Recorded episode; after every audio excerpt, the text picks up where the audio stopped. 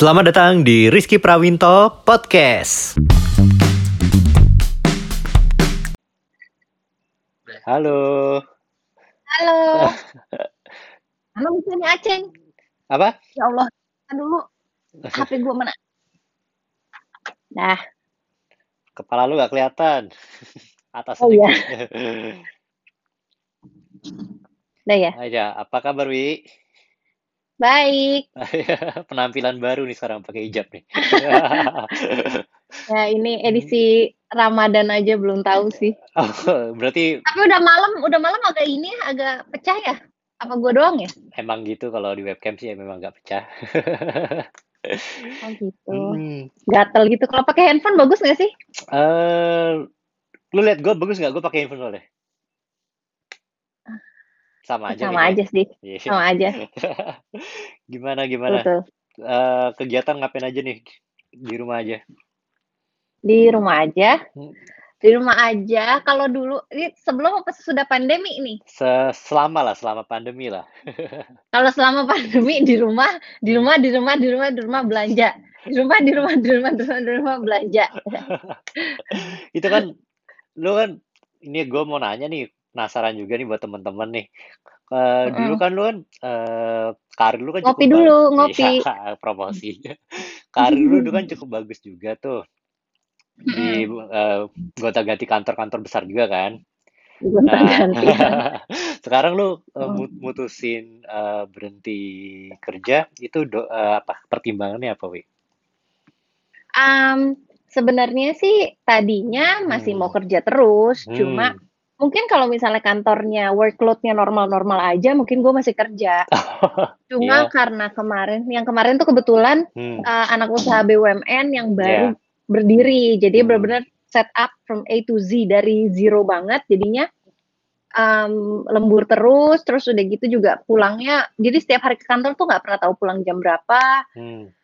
Eh, terus eh, at some point kayak ngerasa, hmm, kayaknya seorang ibu salah deh begini, kalau kerjanya sampai begini amat gitu. Maksudnya I- kalau hmm. kerja formal mungkin nggak apa-apa, I- cuma ada ya ada lu di satu bergeraknya di bidang investment juga kan ya?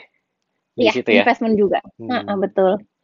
Terus, Jadi ya udah deh gitu deh. Jadi ya sta- itu juga udah nanya ke suami dan berkali-kali karena ya hmm, semua ibu bekerja itu Hmm. mayoritas pasti untuk membantu pengeluaran keluarga kan Iya. gitu. hmm. Eh, jadi ya cuma ya mungkin udah jalannya begini kali. Gitu. Tapi gak ada niat nyari-nyari yang lain lagi. Eh, niat nyari-nyari yang lain lagi ada, cuma eh jadinya benar-benar milih kayak yang worth banget untuk untuk diambil. Jadi kayak kalau misalnya pun mau kerja lagi, memang cari yang em, karir wise-nya emang oke gitu. Hmm. Kalau enggak ya Dan enggak. wa- waktu work life balance eh, itunya balance lah ya. Ya betul, work life balance-nya harus Terus gitu. em, lu eh, sekarang lebih nyaman gimana? Kalau misalnya kelebihan sama kekurangannya lu di rumah sama dulu aktif di kerjaan gimana? Hmm, sebenarnya eh, kalau untuk ibu di Hmm. rumah Hmm. itu, eh, kalau gue kan alhamdulillah masih ada mbak yang Hmm. bantuin, Hmm. masih ada babysitter gitu. Jadi emang workload-nya nggak terlalu banyak juga di rumah ada yang bantuin. Cuma kebanyakan ibu-ibu itu di rumah tuh sebenarnya mereka 24 jam, 7 hari seminggu tuh nggak ada liburnya ngurus anak. Jadi bener-bener nggak ada me time. Ini kayak Iya. sekarang lagi pandemi gini, Hmm. nggak ada off dari anak-anak. Bener-bener tiap saat anak-anak bisa masuk ke kamar, mama, mama, mama. Beneran nggak ada. Bener-bener nggak ada waktu apalagi. Semuanya sih sebenarnya Oh, semuanya. gitu. Semuanya begitu. Jadi Hmm. sebenarnya ibu di rumah itu tough banget loh karena nggak ada waktu istirahatnya. Cuma cuma pas mereka tidur aja. Nah ini kan mm, anak gua ada tiga nggak bisa tidur Iya. tiga-tiganya Iya, bareng. iya. Jadi ya tetap aja gitu. Sebenarnya Hmm. kerja itu me time loh karena keluar dari rumah Betul. dan apalagi hobi gue kerja. Gue suka banget kerja. Jadi sebenarnya sih nggak beban Bisa gitu ya? gitu. Iya. Berarti lu kalau di Saya rumah hobinya aneh ya. aneh. Tapi emang kalau kerja emang enakan di luar rumah sebenarnya ya. Ya iya, Hmm. em, karena coba tanya para bapak-bapak yang WFH, Ya. Seberapa sering sih mereka bisa fokus untuk kerja di Nah. rumah tanpa diganggu sama anak-anak? Bener bener bener.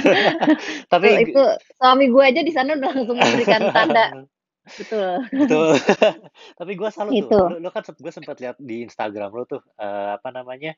eh, walaupun lu udah keluar dari dunia usaha gitu, tapi lu tetap mau sharing ilmu lu gitu ke lingkungan sekitar. Nah, motivasi lu apa tuh? Di bidang investment juga kan ya kalau nggak salah ya, lu kasih Iya, eh, betul. trainingnya. Hmm. Itu motivasi lu apa tuh? Motivasinya tuh Hmm. sebenarnya eh, investasi itu kan nggak cuma untuk corporate ya. Betul. Selama ini gue handle-nya corporate-corporate gitu. Mereka-mereka yang eh, reksadana-reksadana, yang eh, dana pihak ketiga gitu, Hmm. atau perusahaan-perusahaan yang punya dana dan mau dikelola investasinya. Padahal sebenarnya investasi itu kan bisa untuk semua orang. Hmm. Dan sebenarnya semua orang yang punya penghasilan itu harus memikirkan investasi sebenarnya. Karena kalau Sebenarnya. misalnya di tabungan aja kan uangnya kegerus sama inflasi. Jadi kayak ya salah udah udah udah Gak apa-apa, gak apa-apa, gak apa-apa. Ah, jadi Hmm. kayak em, kepikirannya eh, kita-kita yang bekerja di eh, industri keuangan itu informasinya sangat banyak. Banyak. Cuma ternyata informasi itu tidak tidak segitunya eh, bisa sampai ke para rana-rana rumah tangga, apalagi ibu-ibu rumah tangga yang memang mereka biasanya seharusnya mengelola uang suaminya kan, Betul. gitu. Ibu-ibu rumah tangga itu kan memang pengelola uang rumah Hmm. tangga sebenarnya Hmm. akan jauh lebih baik kalau mereka uh, bisa mengelola uang rumah tangga. Selain hanya mengelola pengeluaran pemasukan gitu, tapi tahu apa aja sih opsi-opsinya yang bisa mereka Betul. lakukan. Ins- Instrumen-instrumennya ya lah ya. Pengenalan Iya, instrumennya betul. ya. Gitu. Dan Terus- yang yang benar-benar bikin semangat itu tuh waktu itu sempat ada yang bilang kalau di US itu ibu-ibu rumah tangga ngomonginnya saham. Iya, Ibu-ibu rumah tangga di sini masih drama Korea di sana ya kan aja gitu. iya, di sana kan juga mahasiswa-mahasiswa juga aktif lah ya. Kayak kayak ya kayak kayak trading-trading biasa kan aplikasi kayak Robinhood gitu kalau di Amerika kan juga Hmm. laris ya karena mereka nggak pakai fee gitu kalau Hmm. salah ya. Mm-mm. Tapi responnya uh, lingkungan begitu diajakin training gitu gimana? Antusias atau ah apa sih boring? Alhamdulillah ternyata Hmm. antusias eh antusias. Alhamdulillah antusias Hmm. karena sebenarnya memang eh gue mencoba mem- mentranspose bahasa keuangan Hmm. menjadi bahasa sehari-hari rumah tangga gitu. Jadi bagaimana menyampaikannya supaya em, bisa lebih mudah diterima oleh para Uh, awam lah ya. mayoritas ibu-ibu kemarin Iya. sih ibu-ibu rumah tangga sih Hmm. kebanyakan. Cuma ada beberapa juga para bapak-bapak juga yang mau berpikir untuk keluarganya juga ada gitu. Eh, rata-rata pemahaman Itu sih. mereka eh, masih awam banget berarti ya begitu lo jelasin kayak oh ternyata ada ya ini ini ini atau mereka sebenarnya udah udah tahu cuman belum eksekusi aja gitu rata-rata. Ah, mayoritas nomor satu takut. Oh Dah. takut. Begitu Udah lo ketika udah ngomongin reksadana, ngomongin saham, pokoknya semua instrumen selain deposito Hmm. takut. Tapi Karena begitu, apa? Kurang informasi. iya sih. Kalau ka- mungkin cobanya harusnya kecil-kecil dulu kali ya biar tahu. Iya, betul. Eh, Makanya kalau biasanya gue bilangin itu start small. Jadi kayak kan Hmm. ada reksadana nih. Hmm. Reksadana mulai aja 100 ribu per bulan. Hmm. Kan bisa dari 100 ribu. Nanti kan sambil masuk uang, sambil Ah. bisa belajar, sambil bisa Iya. dilihatin, oh bulan ini tuh naik, oh bulan ini tuh turun gitu. Dan gitu sih. begitu mereka tahu ada 100 ribu mungkin kaget kali ya. Emang ada segitu? iya, iya, iya. Memang kebanyakan ngeras, Hmm. kebanyakan tuh taunya, oh reksadana tuh bisa dari 100 ribu ya? Iya bisa. Iya. Enggak, bahkan deposito aja cuma bisa minimal 8 juta loh. Iya. Reksadana Hmm. itu bisa 100 ribu. Saham, kalau sahamnya murah dikaliin satu lot 100 100 lembar itu juga bisa murah bisa murah, benar. gitu. Informasinya aja yang kurang Benar. sih Iya. sebenarnya. Nah, Emang sebenarnya harus harus ini ya, maksudnya edukasi kayak gitu kan harus sejak dini ya. Mungkin sekarang juga banyak yang neng- bedain mana reksadana mana salah satu perusahaan BUMN itu ya. Ah, iya iya iya. Reksadana atau dana reksa Iya. ya. Kalau reksadana itu produk investasi, Iya. kalau dana reksa itu kantor saya dulu lima tahun saya di sana. Iya kadang kadang orang bilang beda sama dana reksa apa, ada agak bingung juga. Ternyata ya Kenapa Begitu. namanya reksadana? Karena yang bikin pertama kali dana reksa. oh itu yang bikin pertama kali eh, dana reksa ya. Mm-mm. Baru tahu gue. Reksadana di Indonesia namanya eh, yang buat pertama itu dana reksa. Itu yang dulu hasil saya belajar ketika Hmm. MT di dana reksa ya.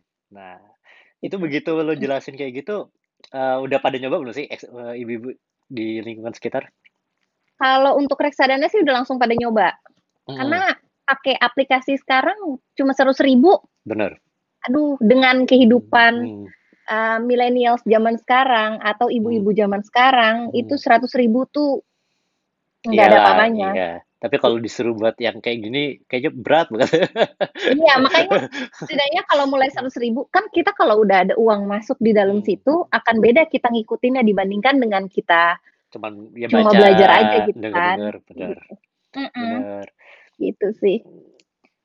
Hmm, terus, eee, apa namanya, keluh kesahnya waktu lo, eee, ngadain training itu da eee, apa tuh, Wi? Ada nggak?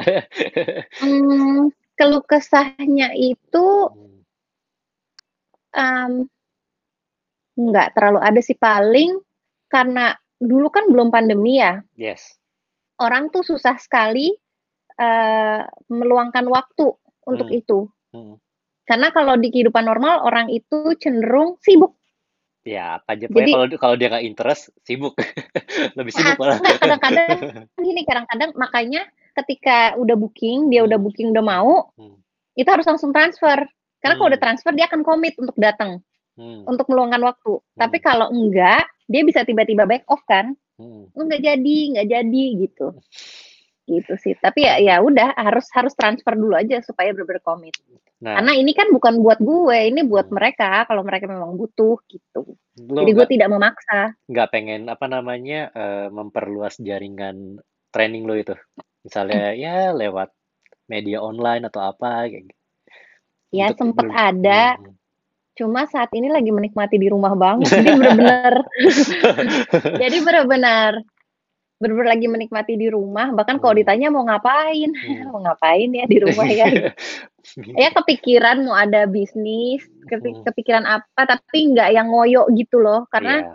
kalau gue cenderung lebih baik gue menghemat dengan uang yang ada gitu, dibandingkan gue harus ngoyo cari uang, padahal Mhm. gue lagi di rumah gitu. Ya, apalagi lagi kayak gini juga lah ya. Mhm, kalau sekarang sih udah fix dah, fix di rumah aja. Ya, anak-anak gimana? Belajar di selama di rumah aja pusing? Oh iya pasti pusing ibu bapaknya, Mmm. bukan pusing anaknya, tolong ya. Karena disuruh suruh nyanyi, disuruh Oh. bikin video, ya It itu yang kan pusing orang tuanya. anak lo yang sekolah, eee, 2 ya? Apa Yang sekolah 2. 3-3? Nah, itu kalau kalau misalnya jam jam sekolahnya sama? Dua-duanya? Sama, sa dua-dua dua-duanya, yang satu SD, yang satu TK, itu Mmm. yang pasti yang SD pasti PR-nya lebih banyak, yang TK Mmm. pun ada, gitu. Kalau sebenarnya kalau SD malahan lebih, apa ya, lebih kayak ngerjain buku atau apa Mmm. gitu loh, udah lebih ngerti. Kalau yang kalau yang TK kan masih harus dibimbing sekali. Iya, benar. Masih harus dibimbing sekali, bener-bener kayak, eee, nah bener ini bener-bener PR yang repot orang tuanya, fix itu udah. Oh, susah ya? Udah udah pusing. Aduh, semoga disabarkan ya sampai Mmm. pandemi ini berakhir ya. Iya, udah udah capek juga kayaknya, Wi. Maksudnya, mmm, Iya.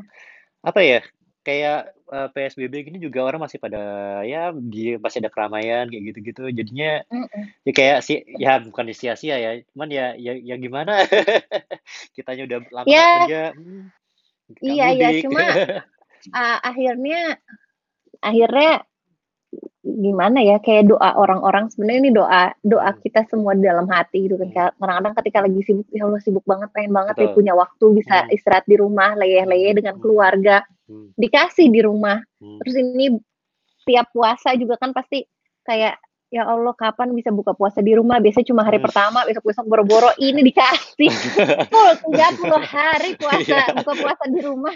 Tapi ternyata masih ngeluh juga ya, manusia Iya. ya. Gitu Karena sih. ya kalau gua karena WFH kali, mungkin kalau full libur enak kali ya?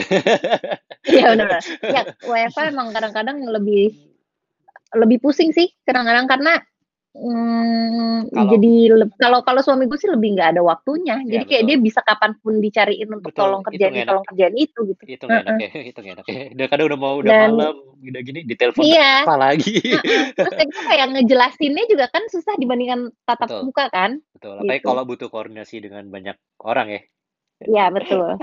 Kayak Zoom juga, ya se meskipun semuanya terpapar di situ gitu ada tertata bisa. 15 orang gitu kayak tetep aja, Nggak "Gimana gimana gimana apa?" Iya, nggak bisa. Kayak kayak ngerti aja, padahal selama ini Zoom-nya nemenin anak sekolah. Tapi ya semoga habis pandemi ini lu nanti ada lah, trending lu makin gede lah. Amin. Karena beneran, Hmm. eee, setidaknya untuk invest atau tidak itu Hmm.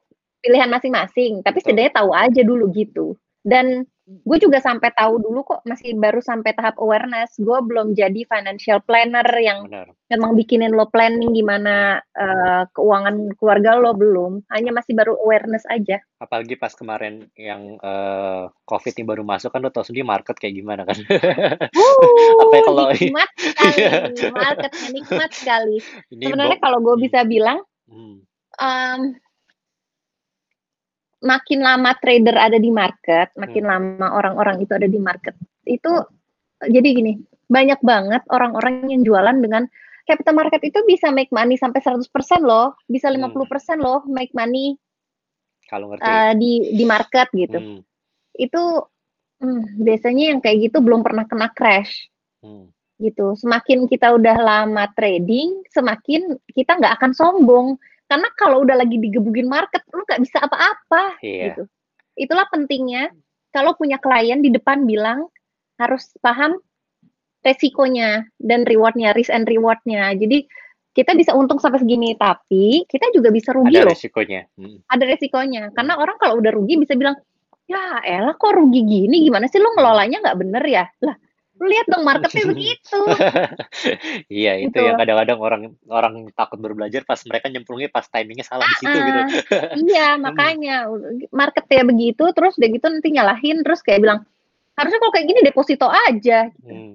Ya nggak salah juga sih, Ya. memang memang Ya ada salah ada juga. ada shift shifting-nya kan harusnya kan ya sebenarnya kalau Iya, mereka tahu. betul. Jadi memang memang yang bener itu adalah kalau, mmm, apa sih namanya, investor yang Hmm. across the asset class, apa bahasa mudanya. Kalau investor yang memahami seluruh Hmm. instrumen-instrumen, dia akan bisa bilangin, eee, untuk saat ini lebih baik switch dulu Hmm. dari misalnya dari saham ke, eee, bonds, ke Hmm. obligasi gitu, atau kalau kondisinya begini misalnya lebih baik stay cash aja dulu, Hmm, stay-nya di hmm. money market aja. Bisa Hmm. di reksadana ataupun eh, bisa di deposito ataupun reksadana pasar uang gitu, Hmm. karena itu kan nggak bisa turun gitu. Jadi memang kita nggak bisa terlalu, Strict eee, ke situ ya. pace Hmm, heeh, hmm. strict di satu Hmm. instrumen, memang harus dilihat juga. Kecuali memang time frame-nya 20 tahun, Iya. 10 tahun setidaknya, itu nggak masalah. seperti idle cash-nya mereka, ya udahlah memang udah di situ gitu Iya, ya. betul. Iya, gitu. Lu sekarang jadi kalau saran lu nih kalau buat, eee, teman-teman sekarang, apa nih yang cocok buat teman-teman? Kalau mereka mau mulai tapi masanya lagi kayak gini nih. Hmm. Hmm. Sekarang lagi mau mulai ya. Hmm. Sebenarnya sekarang itu kan market abis crash, Betul. lagi turun banget, tergantung time frame-nya berapa lama. Hmm. Coba kita lihat IHSG. Nih, kita lihat ya. Jadi Hmm. kalau misalnya mau buka tuh tinggal lihat dari googling, kelihatan Hmm. nggak sih? Nggak kelihatan ya. Nggak kelihatan. Misalnya googling, googling aja tulis IHSG. Ya. Nah, terus kita bisa lihat di situ. Atau JCI lah ya. Iya JCI. Jadi setahun ini gimana, 6 bulan terakhir gimana, 1 bulan kema 1 bulan terakhir gimana. Hmm. Nah, itu tuh kita bisa lihat. Hmm. Kalau sekarang ini sebenarnya kondisinya kemarin tuh habis crash. Jadi kalau untuk long term, setidaknya untuk 5 tahun atau 10 tahun ke depan, sebenarnya Bagus. udah bisa mulai untuk Hmm. collect. Karena ini lagi rendah banget. Dan kemarin itu crash-nya tuh nggak main-main. Sektor Beneran crash, sektor apa se-crash nih? itu. Jadi Sektor ya? semuanya Nggak sih kalau mau semuanya masuk kecuali pertama sektor perbankan dulu atau sektor manufaktur Mmm, yang kalau kalau hmm. kalau gue pribadi Hmm. perbankan sama, mmm gue sih perbankan. Adalah perbankan sama ya, mmm, bisnis-bisnis gede lah gitu yang memang mereka sustain, tapi perbankan itu perbankan tuh jauh lebih lah kuat ya. lah. Iya, dia Yang gerak duluan karena pasti asing masuk Hmm. pasti ke bank duluan karena secara indexing dan secara apa pun itu pasti eh, memang mereka yang yang naik duluan lah gitu. Betul. Yang lain ngikutin. Nanti Mm-mm, kalau jadi kalau mau beli kalau saya sih rekomen BRI aja. Atau kalau duitnya banyak kan boleh Hmm. BCA. Itu untuk pemula. Untuk pemula Hmm. nggak pernah salah beli bank BRI, beli nggak pernah salah beli saham bank BRI atau bank BCA. Hmm, untuk jangka panjang mereka pasti eh, trennya Untuk jangka ya panjang. secara rata-rata mereka naik lah ya bu. Oh, udah bukan rata-rata ya. Kalau secara BCA rata kan nggak boleh janji secara rata-rata. Heeh. ya ya, secara rata-rata. Jadi kalau BCA itu kan, kalau BCA sebenarnya kita kalau mau beli saham itu, Hmm, itu kalau mau beli reksadana tuh sebenarnya kita cuma lebih ngelihat instrumen aja. Betul. Apakah reksadana saham, apa campuran, apa obligasi, apa pasar uang. hmm, Kita milih itunya aja. Sisanya tutup mata aja karena udah ada eh, WMI wakil manajer investasi yang ngelolain dananya. Gitu. Kalau misalnya mau saham langsung baru itu benar-benar harus dipilih apa yang mau dibeli gitu. Iya, benar-benar. benar. Jadi kalau kalau mau beli saham langsung itu pilih saham yang memang kita tahu kinerjanya kayak apa gitu. Kalau untuk awal tidak disarankan beli saham-saham petrokimia atau atau saham batu bara kalau Hmm. memang kita nggak paham sama Iya. bisnisnya. Hmm, Itu kalau bank kan Iya. kalau coba di Indonesia bank apa sih? Ya udah udah pasti BCA lah. Iya. Bank dengan bank dengan em, apa margin terbesar Kapitalisasinya.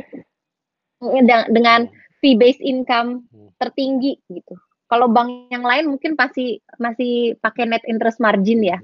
Masih kayak kita lihat gimana lendingnya dia, gimana eh, gimana fundingnya dia, gimana lendingnya dia. Terus ada beda rate itu berapa. Mereka pinjemin dana berapa, mereka eh, mereka minjemin dana berapa, mereka bayar yang deposito berapa, Hmm, selisihnya berapa gitu. Itu segampang itu kalau ngelihat bank Canggih sebenarnya. Kalau untuk kalau untuk ngelihat bank. Cuma Hmm. kalau BCA itu mereka tuh orang orang deposito di BCA tuh tutup mata emang karena naruh doang aja. Hmm, Orang tuh naruh duit di BCA tuh naruh aja beneran di tabungan bahkan nggak di deposito gitu. Memang Jadi karena mereka se- sekuat itu juga eh, iya kekuatan finansialnya mereka ya. betul kayak mereka ada transactional banking mereka Hmm. punya fee gede banget gitu fee based income mereka yang tinggi. Mereka udah nggak pusing-pusing soal eh, NPL Hmm, apa eh, kredit macet ya, mereka udah nggak ya. pusing-pusing soal Mm-mm, mereka udah nggak pusing-pusing soal deposito rate ketinggian Hmm. sampai tipis sama pinjaman mereka nggak ada BCA udah gitu Jadi udah rekomendasi lo itu ya. Mm, BCA BRI BRI. aku, BCA dan BRI BRI untuk yang lebih murah. Ini, dia kan jago kan teman-teman. Kalau mau tanya-tanya ntar Instagramnya gue taruh di deskripsi nih. boleh boleh tapi kalau bentuknya agak berbeda maaf ya ini lagi edisi Ramadan Nggak ya apa-apa. Berarti perdana di sini ya. perdana di. Aduh. gitu Ad- ada pesan-pesan wi buat teman-teman wi biar tetap produktif di rumah. sebenarnya memang kalau lagi di rumah ini Hmm. banyak-banyak ikutan podcast-podcast banyak-banyak ikutan zoom-zoom dan segala macam yang Jadi tentang ilmu sih ngeledek ilmu. ngeledek gua deh tata gua bikin ginian. Tapi gue bikinnya yang yang positif-positif aja. Kayak gini pastinya contohnya. pasti Hmm. gitu Ter- Terus jadi ya kalau hmm, kalau kalau kalau mau butuh ilmu lebih lanjut dengan senang hati aku senang sekali berbagi karena sebenarnya investment itu memang memang hal yang aku hmm. suka jadi enjoy ya kalau banyak nanya. apa. Ya. beneran jadi kayak banyak banyak klien-klien bukan klien ya sebutannya apa ya ya teman-teman yang akhirnya mau belajar akhirnya mereka tidak hanya belajar ketika ketemu waktu itu aja gitu mereka terus cari tahu lagi Hmm. cari tahu lagi cari tahu lagi terus gitu tetap nanya nanya nanya lagi I don't mind at all Hmm. Ilmu Dan memang ada untuk dibagikan kan dan mumpung apa namanya kayak kondisi kayak gini juga eh, kadang kan lu jenuh. Nah, jenuh itu kan bisa lo Mm-mm. atasi dengan mencari ilmu-ilmu baru kayak gini kan sebenarnya kan. betul betul betul kalau aku kan mencari ilmunya Hmm. gimana jualan di Instagram gitu kan Nah, Kalau Nah, gue jadi nih, kita bisa barter ilmu sama mereka-mereka yang punya ilmu nah kalau gue, berbeda dari kita kalau gitu. gue cari ilmunya kayak gini nih, nyari orang-orang podcast yang menarik, gue ajak mau nggak? Iya, bisa. Sambil gue sharing. Yang penting kan berguna buat orang lain kan, Iya, Ceng.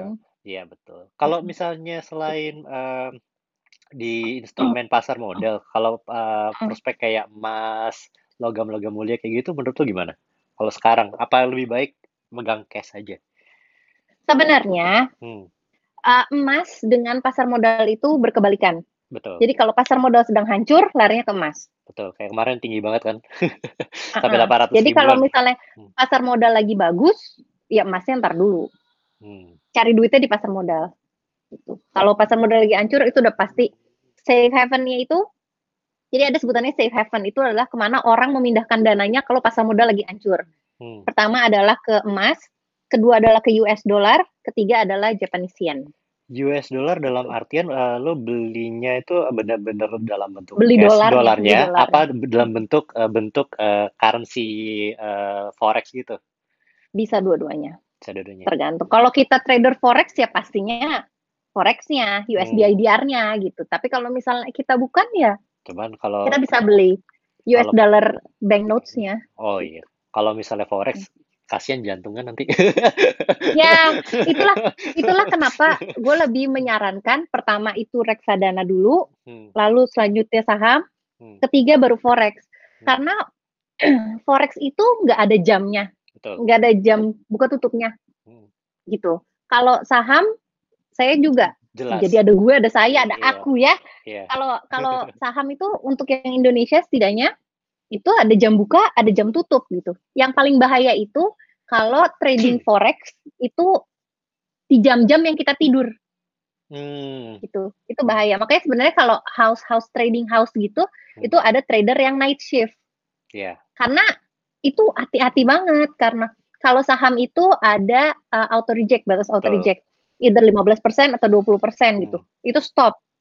Nah, kalau Coba forex nggak dijelasin ada. dulu ke teman-teman auto reject maksudnya apa tuh? Kok di reject ya? Auto reject itu jadi gini, Hmm, uh, bursa kita itu sudah memberikan pedoman uh, dan batas atas batas bawah gitu. Jadi saham itu tidak bisa bergerak terlalu liar, terlalu liar. Iya, Jadi ada kalanya kalau naik 20% itu udah mentok atas. Uh, turun 15% itu udah to- mentok bawah gitu. Hmm. Jadi uh, kalaupun mau turun maksimal per hari misalnya 15% gitu. Itu udah jadi batas auto reject bawah sebutannya. Kalau atas auto reject atas gitu. Jadi saham pun naik tidak boleh naik terlalu tinggi. Kecuali di hari pertama dia IPO. Um, hari pertama dia melantai melantai. di iya. bursa. itu bisa itu bisa lebih dari 25 eh, le- itu bisa lebih dari 20 30 persen Betul. tergantung harganya Dan kalau misalnya Cuma sekarang kalau- kalau misalnya ada yang takut eh, saham uangnya taruh di mana? Itu uangnya sekarang udah nggak di perusahaan lagi ya sebenarnya ya. enggak Udah, jadi kalau misalnya itu jangan terlalu, nggak, jangan takut. nggak usah takut kalau Hmm. urusan itu nggak usah takut karena Hmm. dananya beda sendiri jadi kalaupun kita punya saham pertama kita punya Hmm. rekeningnya kita punya rekening sahamnya RDI ya RDN ah, RDN, RDN RDN, rekening ah. dana nasabah paham. itu di bank biasanya kalau nggak BCA mandiri Hmm. jadi uang kita itu di situ terus kedua saham kita itu ada di custodian gitu terus udah gitu ada lembaga kesei lagi yang ngurusin settlementnya Iya. nanti dia tuh yang bertanggung jawab kalau misalnya kita kirim uang untuk beli saham sahamnya pastikan nyampe ke kita gitu Ya, jadi nggak Jadi semua udah khawatir ada. ya. Nah, jadi nggak mungkin kong kali kong di satu eh, satu perusahaan gitu untuk narik dana gitu nggak untuk untuk nilep uang kita tuh nggak Nah, tuh. Tuh. Buat teman-teman bisa coba tuh.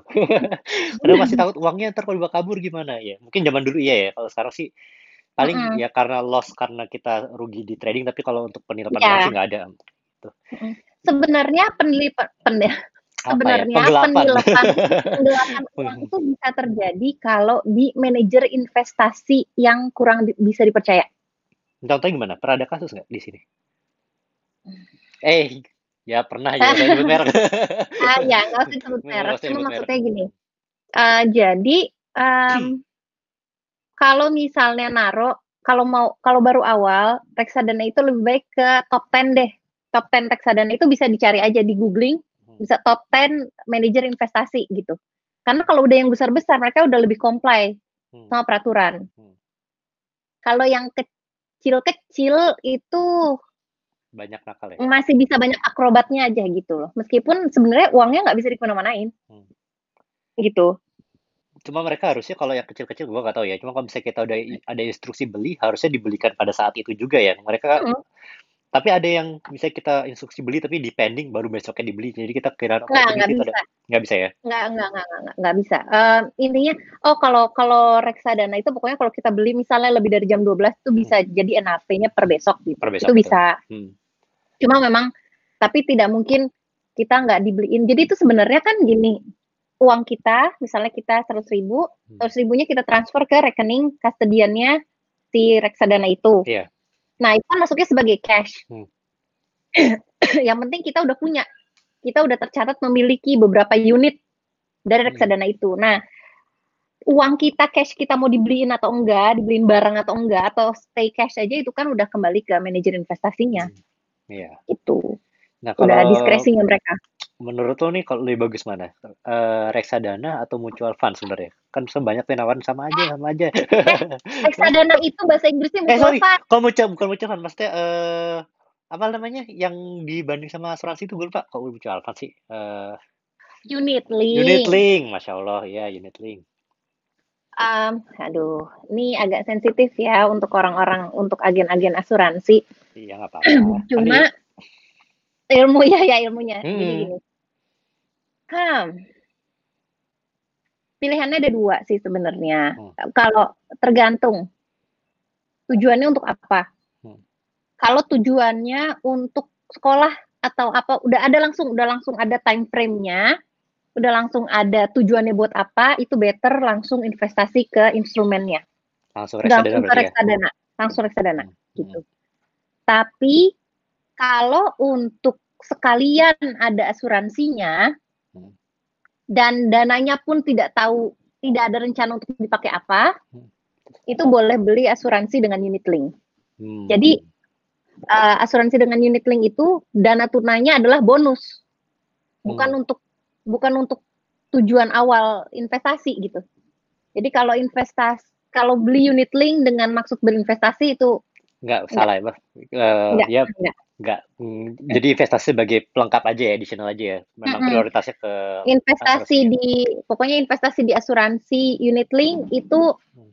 eh, sudah pasti eh, hanya bonus investasinya hanya bonus gitu Oke. Karena Menarik, kalau menarik. misalnya Hmm. misalnya gini jadi kalau misalnya hmm, pilihannya begini bisa juga beli asuransinya yang tanpa unit link kita beli asuransi Oh, pure, pure. asuransi murni Hmm. itu bisa juga beli asuransi kalau ad- ada orang-orang yang nggak mau Nah, repot sekarang ada pertanyaannya orang-orang yang mau repot ada pertanyaan lagi. Mending yang pure atau yang unit link? tergantung tergantung lagi nih Hmm. gue tidak mau menutup rezeki orang-orang atau Iya, iya. bagaimana gitu ya Hmm. Jadi kalau gue pribadi um, gini unit link itu nggak pakai ribet Hmm, ya. karena di situ udah ada semuanya udah Hmm. ada hospitalnya udah ada penyakit kritisnya Hmm. udah ada apalagi Eh, jiwa hospital penyakit kritis dan investasi Hmm. Jadi sebenarnya unit link itu udah ada empat-empatnya. Dan yang menurut gue paling penting itu sekarang adalah buat penyakit kritisnya. Hmm. Yang menurut gue paling penting. Karena eh, kalau, jadi kalau di ilmu financial planning itu, Hmm. orang tuh nggak bisa punya rencana jangka panjang keuangan kalau nggak punya asuransi. Hmm. Karena lo bisa di tengah jalan hancur berantakan. Gitu. Jadi untuk secure itu harus punya asuransi. Harus. Hmm. Itu.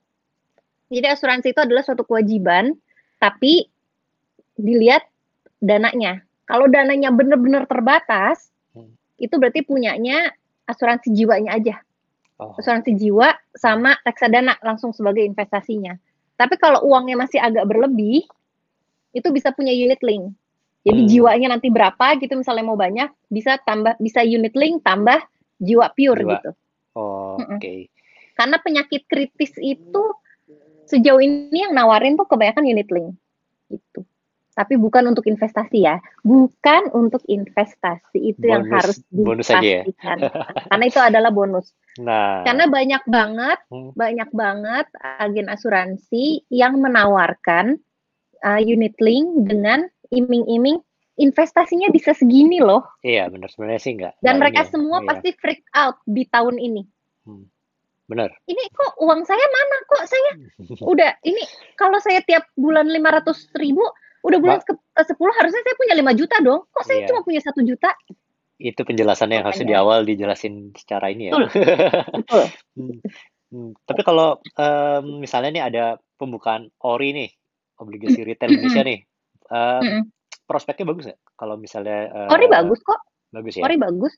Dan Sekarang harga namanya sekarang namanya SBR, Saving Bond Retail. Oh, berubah namanya ya sekarang ya? Namanya ORI, sekarang Hmm. namanya Saving Bond Retail. Oh. Nah, kalau mau beli gimana sih tuh kalau misalnya itu, eee, ORI atau saving bond retail tuh? Eee, itu ke bank aja, bank jual kok. Bank jual, Hmm. manajer investasi juga biasanya jual. Hmm. Sekuritas-sekuritas juga jual. Bisa. Jadi agen penjual. tergantung mereka, eee, dipercaya untuk ngejual itu atau enggak berarti ya secara informasi Ya, gitu? mereka jadi agen Hmm. penjual atau tidak gitu aja sih. Oh, oke. Itu mah di bank bisa, di manajer investasi juga bisa dan itu Hmm. biasanya lebih tinggi daripada deposito. Dan harusnya lebih aman juga lah ya sebenarnya ya? Iyalah, itu kan dari Hmm. negara. Iya, makanya. Kalau bank sebenarnya bisa kolaps. Bisa. Tapi kalau Hmm. negara kan Ya, ya lebih tinggi sebisa lah kelasnya gitu. Iya. Kalau kolaps apa Gitu. kabar kita? Mhm, betul. Oke. Gitu sih. Mmm, apa ya, tadi tuh terkait dengan yang itu, Yang oh mana? gini, karena sekarang itu kan gue selain gue selain mengajarkan Mhm. Ilmu-ilmu investasi dan keuangan, Hmm. gue juga kan jadi palu gada. Apa kayak Jadi kayak tuh? jadi kayak kalau misalnya kalau misalnya ngobrol aja ya, sebenarnya gue butuhnya ini, setelah ngobrol-ngobrol-ngobrol, oh sebenarnya lo butuhnya reksadana aja. Hmm. Nanti gue bisa kasih tahu reksadana mana yang bagus. Gitu. Atau misalnya, oh sebenarnya lo kurang di asuransi dan ngelihat kebutuhan lo kayaknya lo asuransi murni, gue Hmm. bisa refer, oh lo mending ke asuransi murni ini gitu. Atau kalau misalnya, oh kalau lo kayak gini Hmm. takut ini lo mau lo mau unit link, gue pun ada temen gue gitu loh. Jadi sebenarnya sebenarnya jadi gue agen aja. bisa jadi, bisa jadi. Sebenarnya semuanya bisa jadi. Sekalian. Cuma kan bagaimana bagaimana menawarkan yang memang sesuai sama orangnya. Jadi tidak memaksakan. Karena kalau misalnya jualan hanya satu produk, kadang-kadang sebenarnya tidak cocok sama dia. Iya. Cuma karena yang kita jual produk itu, kita memaksakan seakan-akan produk Hmm. itu harus cocok buat dia gitu loh. Itu yang yang sebenarnya gue hindarin. Iya, iya, benar. Gitu. Soalnya kan nggak semua produk ya lo tawarin gua apa gitu, belum tentu gua mau Mm-mm. sesuai. Mm-mm. Orang tingkat, Benar. re- tingkat resiko orang beda-beda. Lo harus saham, saham Betul. untungnya gede. Sedangkan gua Betul, anjir, betul. gua belum berani gua kayak gini kan beda gitu. Iya. Ada ada juga yang mungkin reksadana ah kekecilan gue lebih suka saham nih, lebih lebih menantang gitu. Beda-beda lah ya. Lo udah tahu belum tapi resikonya gitu. Iya, harus tahu Gitu resikonya sih. dulu. Gitu sih, Wi. Tiap orang sih unik. So, Hmm. itulah kenapa Hmm. biasanya gue juga buka sesi yang private karena kalau di private itu beneran lo bisa gue guide oh kalau kalau kayak lo lebih baik begini dan Iya. kalau misalnya nggak rame-rame kan lo jadi lebih terbuka kan bisa lebih terbuka Tarifnya lebih eh, mahal ya? ko- kondisinya begini apa Tarifnya lebih mahal. Eh, bisa dinegosiasikan sesuai kok dengan kantong-kantong para millennials dan eh, middle income Hmm, class iya. saat ini Karena tujuannya kan sebenarnya kan kalau lu kan eh, lebih ke edukasinya lah ya. iya Hmm, betul Belum belum komersil banget lah ya. Enggak bener, gue bener-bener belum komersil sama sekali. Em, Nanti kalau gue udah jadi financial planner kali gue baru komersil banget ya. Boleh. Sekarang sih masih beneran mau berbagi. Gue gue sangat senang kalau akhirnya ibu-ibu itu bisa ngomongin soal reksadana. Ibu-ibu itu mengerti uangnya dia harus ke mana. Ibu-ibu itu mengerti menjaga eh, dana keluarganya itu harus bagaimana. Itu malah malah gue yang seneng banget. Malah gue yang seneng banget gitu. Kalau Iya. akhirnya mereka akhir oh begitu, oh begitu gitu. Dibandingkan hmm, aduh nggak mau deh sorry ya gue takut gue mau di tabungan aja nggak masalah lo takut boleh tapi lo tahu dulu gitu Tapi anehnya kalau yang kayak gitu itu takut. Tapi kalau misalnya ada yang jualan yang apa ya, investasi yang nggak jelas tapi ra- yang tinggi bodoh. banget tinggi banget pada mau wah iya iya iya ya betul karena itu Itu. mengiming yang besarnya itu Iya, kalau kita kan nggak pernah mengimimi cuman ya kasih asumsi-asumsi lah ya. Ya, ya. Jadi pasar Hmm. modal pokoknya pasar modal itu tidak pernah menjanjikan return. Ya, Nggak pernah kal- menjanji itu udah dari OJK peraturannya seperti OJK kalau ada yang menjanjikan return itu harus hati-hati. kecuali data historical ya dari tahun segini sampai seki, sampai sekarang Ya, sekian gitu itu Historical masalah ya. boleh. Tapi kalau Tapi kan future selalu ada forecast tulisan lagi di bawahnya. Hmm. Nah, di bawahnya pun tulis lagi eh, apa namanya eh, return masa lalu tidak mem- tidak mencerminkan masa depan gitu. Itu pun harus di state ulang lagi gitu. Hmm. Ya pada ditagih nanti. Gitu sih. Kok beda? iya benar benar. Mendingan di depan aja dibuka dulu semuanya daripada bagus-bagus di depan tapi terus Ya, begitu gitu. begitu. Orang- Minum dulu, minum dulu, minum dulu. Udah pegang gelas Iya. minum dulu. Buka puasa kopi susu. Nggak boleh sebut merek ya. Iya, Belum disponsori soalnya gue. Kalau udah disponsori nggak apa-apa deh. Hmm, boleh. Lu Ada nggak- kopi tertentu yang gue beli sampai 8 botol enak ya? udah selama pandemi ini. Oh gitu. Apa? Ya, enak emang ya? Ya ini mah yang udah favorit dari dulu. Oh gitu. Lu nggak main-main ke SCBD lagi? Am, kalau lagi ada kelas, Hmm. selama ini gue masih ke SCBD, Ke yang situ Sudirman dan ke tempat lama. Sudirman. Oh, ke tempat lama ya? Oh, oh. belum, belum, belum, ya? belum. Nanti kali abis pandemi baru ke sana. Ya, cuma tetap keep kontak Jalan-jalan sama lagi. anak-anak lah ya. Kan kita alumni Tetap, tetap. alumni situ. Ah iya, dirimu juga udah alumni ya. Alumni Sekarang situ. jadi anak kuningan ya. anak kuningan. Iya, anak kuningan. gitu. Ya, ada pesan-pesan Wi buat teman-teman yang lain. Kalau Um, kalau mau kontak lu, kalau gitu misalnya ah gue takut nih eh, mau nanya-nanya ke TV nih DM TV gitu. Nggak masalah lah ya kalau ada yang mau nanya. Boleh, ya. boleh banget, boleh banget. Mau Hmm. DM, mau mau DM, mau telepon juga boleh, Enggak nggak masalah. kalau nomor telepon nggak gue publish lah, ntar di Oh iya iya iya, jangan ya. Instagram aja. Ya ya ya, Instagram silakan itu silakan eh, banyak juga yang suka nanya juga nggak masalah. Oke. DM aja dulu. Siap. Gitu. Oke. Thank you, Wi, udah Baiklah. berbagi tips. Nanti kalau misalnya pengen tanya-tanya lagi, gua kontak lo lagi. Siap. Siap. Anytime. Sehat-sehat terus ya, sama keluarga ya. Nah, eh kalau mau ada podcast juga Hmm. soal keuangan atau Nah, soal ini- investasi juga gak masalah. Emang ada ada sumbernya nggak reference ya kalau lo mau eh, promosi di sini? Yang sering lo dengerin? Iya nggak ada kalau gue mah berdasarkan ilmu gue selama ini.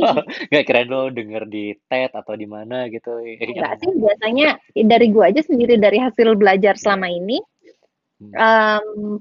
Eh, kalaupun punya kelas juga itu udah benar-benar gue bikin sendiri bahannya berdasarkan kebutuhan-kebutuhan Hmm. gitu. Gue saranin kalau lo coba iseng-iseng eh, pakai platform Google Classroom deh itu untuk ngajar enak kalau lo mau coba. Oh gitu. Oke siap. siap. Oke. Sehat terus, Wi. Oke. Lancar Iya, puasanya. Nanti kalau udah selesai pandemi mungkin kita ketemuan ya. Siap. Siap. Oh yang lain juga P9 ya, P9. Wah, ya pasukan itu. Pasukan pasukan. lantai 9. Iya. Oke. Heeh. Salam keluarga Wi ya. Iya, Oke, thank you Wi. Aceh. Bye. Bye. Bye.